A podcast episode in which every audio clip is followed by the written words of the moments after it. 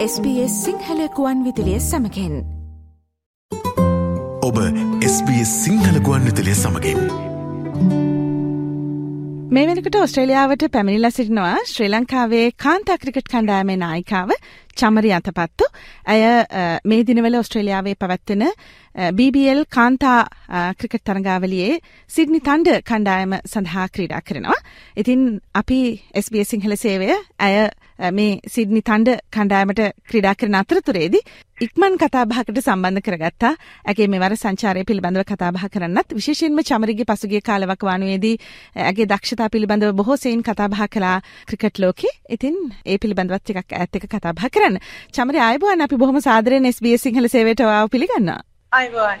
මෙවර සිඩ්නි කණ්ඩායමත් එක්ක ඔබේ තියෙන සහභාගීත්වය සහ ඔබට මෙවර BBL තරඟාවලිය සමග තියෙන සම්බන්ධතාවය ගැන තියෙන අත්දැකීම් ටිකක් කතා බහ කරන්න කැමති මුලින්ම ඇත්තටම මට මේ අවස්ථාව මං හිතන්නේ ලැබෙයි කියලා මම බලාපොරොත්තු වෙන්නේ නැහැ මොකද ඔක්ෂන් එකේදී කිසිම කණ්ඩායමක් මාව පික් කරේ නැහැ WBBL ඔක්ෂන් එකේ. ඉතින් මම හොඳටම කරලා ඉන්න අවස්ථාවක මාව පික් කරේ නැහැ. ඉතින් ඒක ඒ වෙලාවේ මම පොඩ්ඩක් ඩිසපොයින්ට් වුණා. හැබැයි මම හිතුවා මට අවස්ථාවක් ලැබුණොත් අනිවාර්යෙන් කරනවා කියලා. ඉතින් ඒ නිසා ඒගොල්ලෝ මාව රිප්ලේස්මන්ට් ප්ලේයර් කෙනෙක් හැටියට තමයි මේ තරඟාවලියට තෝරගත්තේ සිඩ්නි තණ්ඩ කණ්ඩායම. ඉතින් පළවෙනි තරඟයට දකුණු අප්‍රිකානු ක්‍රීඩිකාව ක්‍රීඩා කරේ නැහැ. මොකද ඇය ඇගේ රටේ ඉඳලා අසනීප වුණා. ඒ නිසා ඇය ක්‍රීඩා කරේ නැහැ. ඒ නිසා මට අවස්ථාවක් ලැබුණා ඒ තරඟේ ක්‍රීඩා කරන්න. ඉතින් රිප්ලේස්මන්ට් ප්ලේයර් කෙනෙක් හැටියට තමයි පළවෙනි තරඟේ ක්‍රීඩා කරේ. ඉතින් පළවෙනි තරඟේ මම මුනි දක්ෂතා දක්වලා තරඟේ ජයග්‍රහණය කරා සහ තරඟේ හොඳම ක්‍රීඩිකාව වුණා. ඊළඟට ඊළඟ තරගයත් ඒ නිසා මට ක්‍රීඩා කරන්න අවස්ථාව ලැබුණා. ඉතින් ඒ තරගයේත් මම හොඳින් ලකුණු 80ක් ලබා ගත්තා සහ ඒක කඩලක් දවා ගත්තා ලකුණු 20ක් දීලා. ඉතින් ඒකෙත් මම තරගයේ හොඳම ක්‍රීඩිකාව වුණා. ප්ලේයර් ඔෆ් ද මැච් වුණා. ඉතින් ඒ නිසා දැන් මම කණ්ඩායමේ නිත්‍ය ක්‍රීඩිකාවක් හැටියට ක්‍රීඩා කරන මේ තරගාවලිය පුරාවටම අර රිප්ලේස්මන්ට් කියන කැල දැන් ගැලවිලා ගිහින් තියෙනවා මට. ඉතින් ඉතින් ගොඩක් සතුටුයි මට ලංකාවෙන් නියෝජනය කරන්න මෙතනට ඇවිල්ලා මගේ කණ්ඩායම ජයග්‍රහණය කරා ගෙනියන්න පුළුවන් වෙච්ච එක. මොකද මේ ෆ්‍රැන්චයිස් ක්‍රිකට් ක්‍රීඩා කරත් මම ඇත්තටම ලංකාවේ ක්‍රීඩිකාවක් හැටියට ඇවිල්ලා ලංකාව නියෝජනය කරනවා හා සමානයි මෙතන සෙල්ලම් කරන එක. ඒ ලොකු අවස්ථාවක්. ඉතින් මම මගේ උපරිම දක්ෂතාව පෙන්නනවා මේ තරඟාවල. ඉතින් ගොඩක් හොඳ කණ්ඩායමක් ඇත්තටම උන් ගොඩක් හොඳින් මාව බලා ගන්නවා සහ උන් ගොඩක් හරිම හිතවත් මට. එංගලන්ත ක්‍රීඩිකාවත් තම නායකත්වයේ දරන්නේ වගේම ලීසා කණ්ඩායම් ප්‍රධාන පුහුණුකාරතුමිය. ඉතින් මම හිතන්නේ උන් ගොඩක් ලොකු සහයෝගයක් ලබා දෙනවා මට. ගොඩක් සතුටින් කණ්ඩායමත් එක්ක ක්‍රීඩා කරනවා. ඔව් දැන් චමරි මේ අපි කවුරුත් කතා බහ වුණා දැන් ඔබ පසුගිය කාලවකවානුවේදී විශේෂ දක්ෂතා සහිත ක්‍රීඩිකාවක් විදිහට ICC එකෙන් හඳුනාගෙන තිබුණ අවස්ථා දෙකකදී හොඳම බැටර් විදිහට ඒ වගේම සැප්තැම්බර් මාසයේ ICC ඒ මාසයට තෝරන හොඳම ක්‍රීඩිකාව විදිහට. ඊට අමතරව අපි දැක්කා එංගලන්ත ක්‍රිකට් කණ්ඩායම සමග පැවතිය සීරීස් එකේදී ඔබ දක්ෂතා පෙන්වුවා ඉන්දියාවේදී නවසීලන්තයේදී ඒ විශේෂ දක්ෂතා ඔබ පෙන්වමින් හිටිය ක්‍රීඩිකාවක්. ඇයි මේ එච්චර දක්ෂතා ඔබ පෙන්වද්දී ඔබව මෙවර WBBL එකට තෝරගත්තේ නැත්තේ ඇයි කියලා මොකක්ද ඔබට හිතෙන්නේ? ඔබේ දැක්ම මොකක්ද? මං හිතන්නේ මට WBBL එක විතරක් නෙමෙයි ලෝකෙ තියෙන ලීග්ස් දෙකක්ම මට මිස් වුණා එකක් IPL එක ඉන්දියන් ප්‍රීමියර් ලීග් එක. ඒ වගේම එංගලන්තේ සෙල්ලම් කරන 100 බෝල් ලීග් එක. ඊළඟට WBBL එක. දැන් මේක රිප්ලේස්මන්ට් ප්ලේයර් කෙනෙක් හැටියට හරි එන්න ලැබුණා. අර දෙකත් මම පික් කරේ නැහැ නමුත් මම ඒ ගැන දුක් වෙන්නේ නැහැ මොකද මගේ රට වෙනුවෙන් මම උපරිම මට්ටමින් ක්‍රීඩා කරනවා.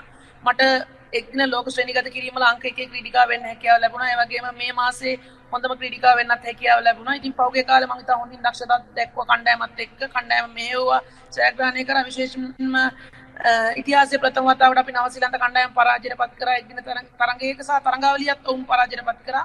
ඒ වගේම අපි T20 තරඟයකුත් ඔවුන්ව පරාජයට පත් කරා.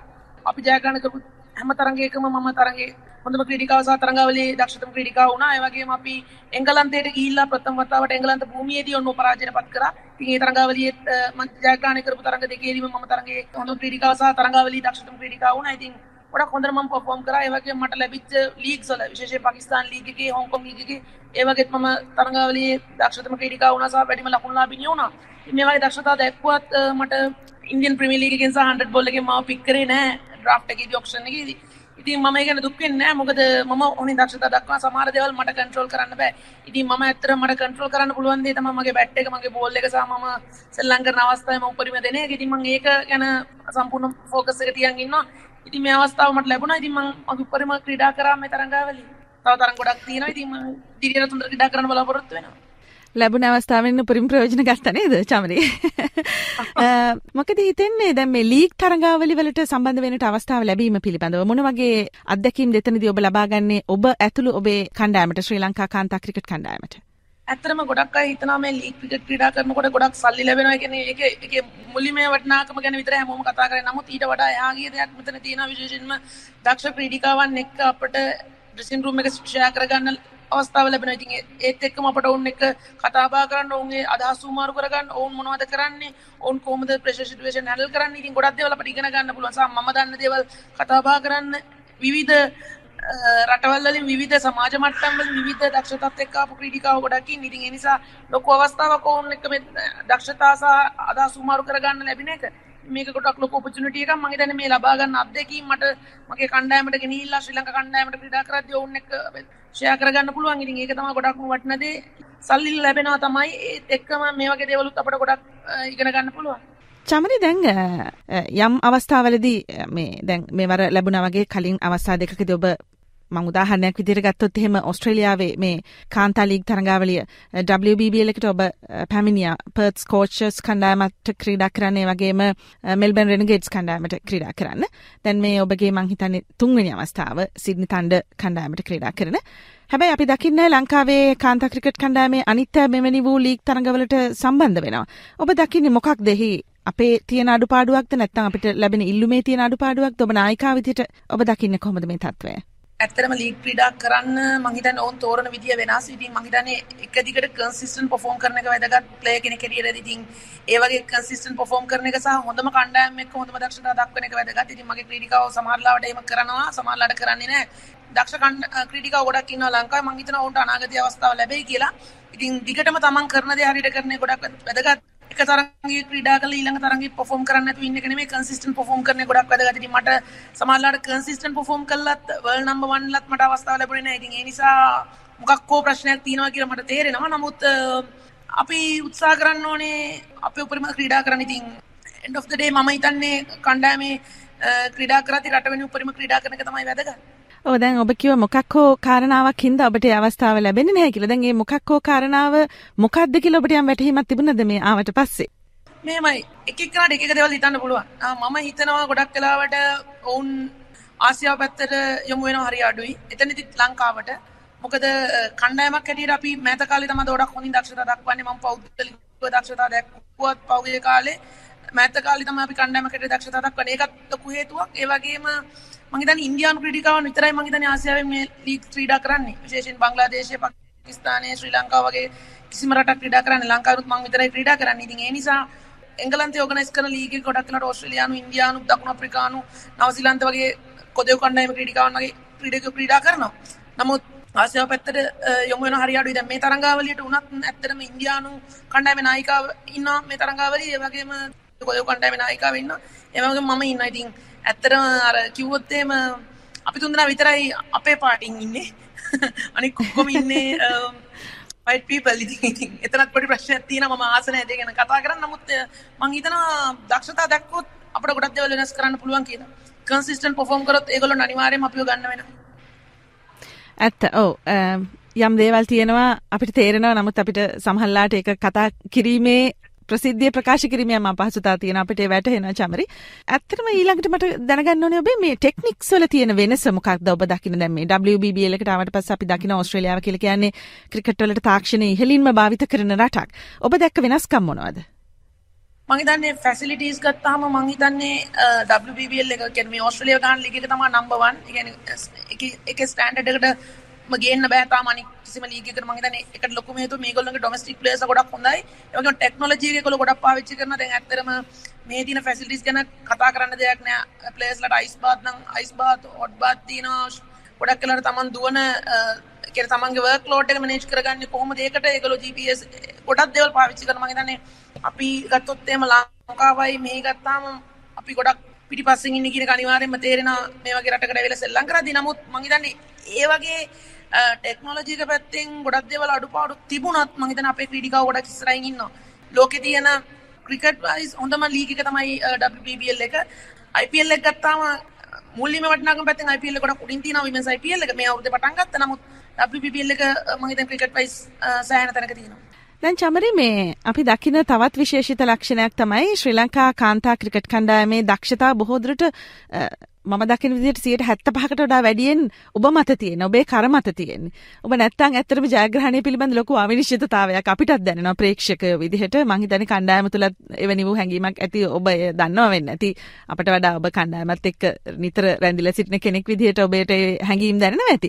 ඔබට මොකද හිතෙන්නේ චමරි දැන් ඔයා නැත්තම් ඔක්කොම ඉවරයි වගේ තත්ත්වයක් තියෙන්නේ. දැන් ඒකට විසඳුමක් හරි පසුපෙළ කණ්ඩායමක් නිර්මාණය කිරීම හරි නැත්තම් වෙන ක්‍රීඩිකාවන් ඉදිරියට ගැනීම හරි ඒ සම්බන්ධව නායිකාව විදිහට ඔබ සතුව යම් කිසි සැලස්මක් තියෙනවද? මොකක්ද ඒ පිළිබඳව තියෙන අදහස? ඇත්තටම මුලින්ම කියන්න මම කණ්ඩායමට ආව දවසේ ඉඳලා මම හිතන්නේ මාස 6ක් අවුරුද්දක් වගේ තමයි මට සැහැල්ලුවෙන් හිටියේ ඊට පස්සේ මට ලොකු වගකීමක් ලැබුණා සහ මගේ කණ්ඩායමේ ශ්‍රී ලංකා කණ්ඩායමේ පිටිකරණය මම හිතන්නේ අවුරුදු දැන් මං ඇවිල්ලා පළවෙනි අවුරුද්ද ඇරුණකොට ඊට පස්සේ එතන ඉඳන් දිගටම මගේ මගේ කරම මත තමයි තිබුණේ කියන්නේ මං මත තමයි අපි පිටිකරණේ රඳා පැවතිලා තිබුණේ. ඉතින් ගොඩක් තරඟ ජයග්‍රහණය කරද්දී මම ක්‍රීඩා කරන එක සහ මං ජයග්‍රහණය කරා කණ්ඩායම ගෙනියන එක සහ මගේ දක්ෂතා ගොඩක් බලපෑවා කණ්ඩායම ජයග්‍රහණය කරා ගෙනියද්දී.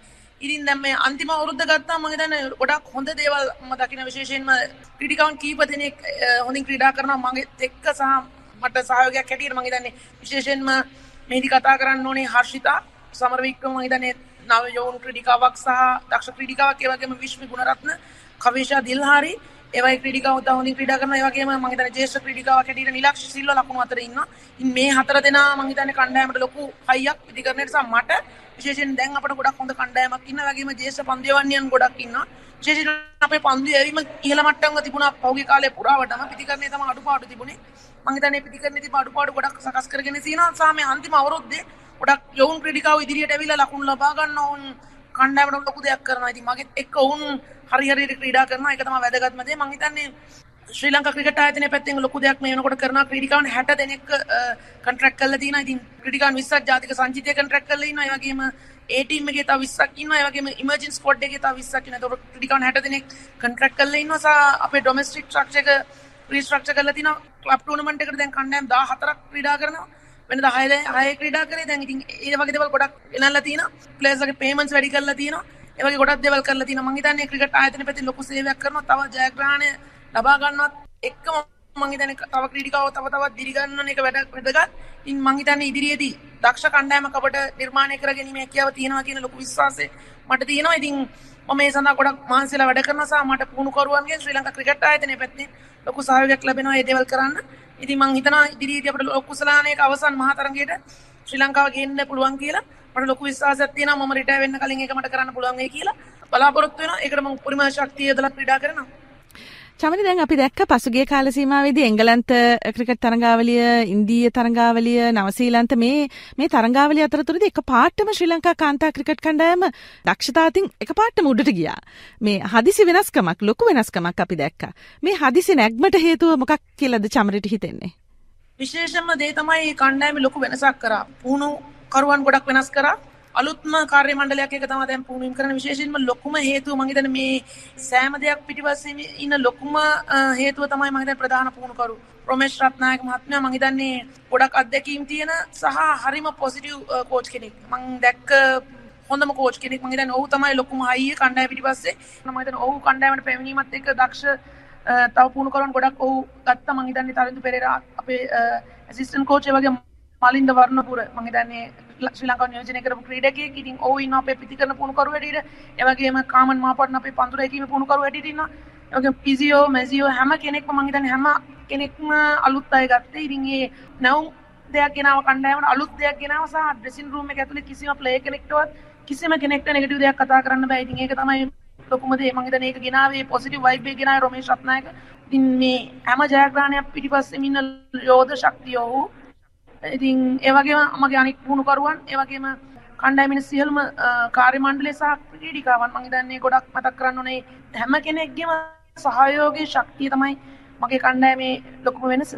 චමරි අපි සූතිවන්ත වෙනවා ඔබගේ සංචාරය අතරතුරේදී SBS සිංහල සේවයට කතා බහ කරන්න සම්බන්ධ වීම පිළිබඳව ඔබගේ මේ WBBL තරඟාවලිය ඇතුළුව ඉදිරි සියලු තරඟවලට සාර්ථකව මුහුණ දෙන්න හොඳ දෙයක් ආපහු ලංකාවට අරන් යන්න අපේ මව්භූමියට අරන් යන්න අපේ ශ්‍රී ලංකා කාන්තා ක්‍රිකට් කණ්ඩායම තවත් ශක්තිමත් කරන්න මේ සියලු දේවල් ඔබට උපකාරී වේවි කියලා අපි විශ්වාස කරනවා. බොහොම ස්තුතියි අපිත් එක්ක සම්බන්ධ වුණාට. බොහොම ස්තුතියි මම මේකට සම්බන්ධ කරගෙන ගොඩක් ආසයි මේ වැඩසටහන සහභාගී වෙන්න මම බලාපොරොත්තු වෙනවා ගොඩක් ශ්‍රී ලාංකිකයෝ ඒ කියලා මම ක්‍රීඩා කරන තරඟ නරඹන්න සහ සිමිත අණ්ඩ කණ්ඩායමට සුබ පතන්න. බොහොම ස්තුතියි මම මේ අවස්ථාවට සම්බන්ධ කරගත්තට. SBS. SBS. SBS. SBS. SBS. SBS Radio ලයි කරන්න ෂයා කරන්න අදහස් ප්‍රකාශ කරන්න SBS සිංහල ෆස්බුක් පිටුව ෆලෝ කරන්න.